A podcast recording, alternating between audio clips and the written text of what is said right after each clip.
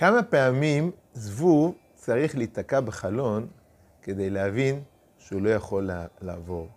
קראתי פעם מחקר, כמה שזה נשמע מצחיק, עשו לזה מחקר, בין 150 ל-180 פעם. כנראה זה תלוי במנת המשכל של הזבוב. הזבובים האינטליגנטיים, מספיק להם 150, להיתקע בחלון כדי להבין שיש פה זכוכית ואי אפשר לעבור. יש זבובים שצריכים יותר. אנחנו, כך נראה, לפעמים יותר טיפשים מזבובים. כמה פעמים נפלנו באיזושהי טעות, באכילה יתרה, שאחר כך כואב הבטן, בכעס, שתוצאות לא, לא, לא נעימות יוצאות ממנו, או שאני הולך לישון מאוד מאוחר ואני קם גמור. אני אומר, מחר אני לא אעשה את זה, ומחר אני אעשה את זה שוב פעם.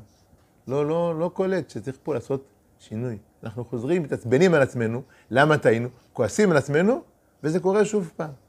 גם עם הילדים הרבה פעמים זה ככה, כן? יש לך ילד, הוא עושה משהו לא בסדר, אתה כועס עליו, ולמחרת קורה אותו דבר. מה עושים עם זה? אולי יש פסוק בפרשה שיכול לתת לנו כיוון מעניין לפתרון. הפרשה פותחת, ראה, אנוכי נותן לפניכם היום ברכה וקללה. מה לעשות? להסתכל, לא לצעוק, לא להתעצבן, פשוט להתבונן, לראות, לעשות את החשבון, מה הרווחתי, מה הפסדתי, מה אני רוצה, בלי אמוציות. להיות קצת יותר ענייניים.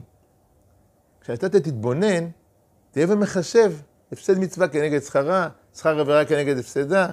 אל תתעצבן, תחשב, בלי כעס, יהיה לך כבר לבד שינוי. הכעסים, הם מוסיפים פה כל מיני אלמנטים שבאיזשהו מקום גורמים לנו לחזור על אותו דבר. תהיה ענייני, תהיה פשוט. תעשה את החשבון ותהיה איתו. גם עם הילדים, הרבה פעמים עדיף, במקום להתעצבן עליהם, ואז זה בעיה שלנו, להשאיר את זה להם, שיתמודדו עם התוצאות, יחשבו לבד מה הם רוצים פעם הבאה שיקרה. כשאתה מוסיף לו ונותן לו בראש, אז איכשהו זה כבר הופך להיות, זה כבר הופך להיות משהו אחר. אתן לכם דוגמה פשוטה, נחזור אלינו עכשיו רגע מעצום את הילדים, אה, נושא ש, אה, שיכול להמחיש את זה קצת. יש אה, עניין של ניהול ההוצאות הבית. אז אדם מבזבז, ואיכשהו נכנס למינוס, מה עושים איתו? הפתרון הפשוט ביותר, ולפעמים הוא מספיק, פשוט לעשות שיקוף של ההוצאות. תבדוק בדיוק על מה אתה מוציא וכמה. וברגע שאתה תראה ש-20% מהתקציב אתה מוציא על ממתקים נגיד, אז יש להניח שרוב האנשים באופן טבעי יצמצמו, לא, לא בגלל שזה לא בסדר לאכול ממתקים, ולמה להיות בזבזן, וכל מיני אמוציות כאלה, אלא כי פשוט חבל לו, כל בן אדם נורמלי חבל לו 20% מהתקציב להוציא ממתקים. הוא מעדיף במקום זה, אה, לא יודע, לנסוע לטיול, לנופש בסוף השנה עם כל המשפחה. זה שווה לו יותר להמעיט בממתקים וקצת יותר חופש.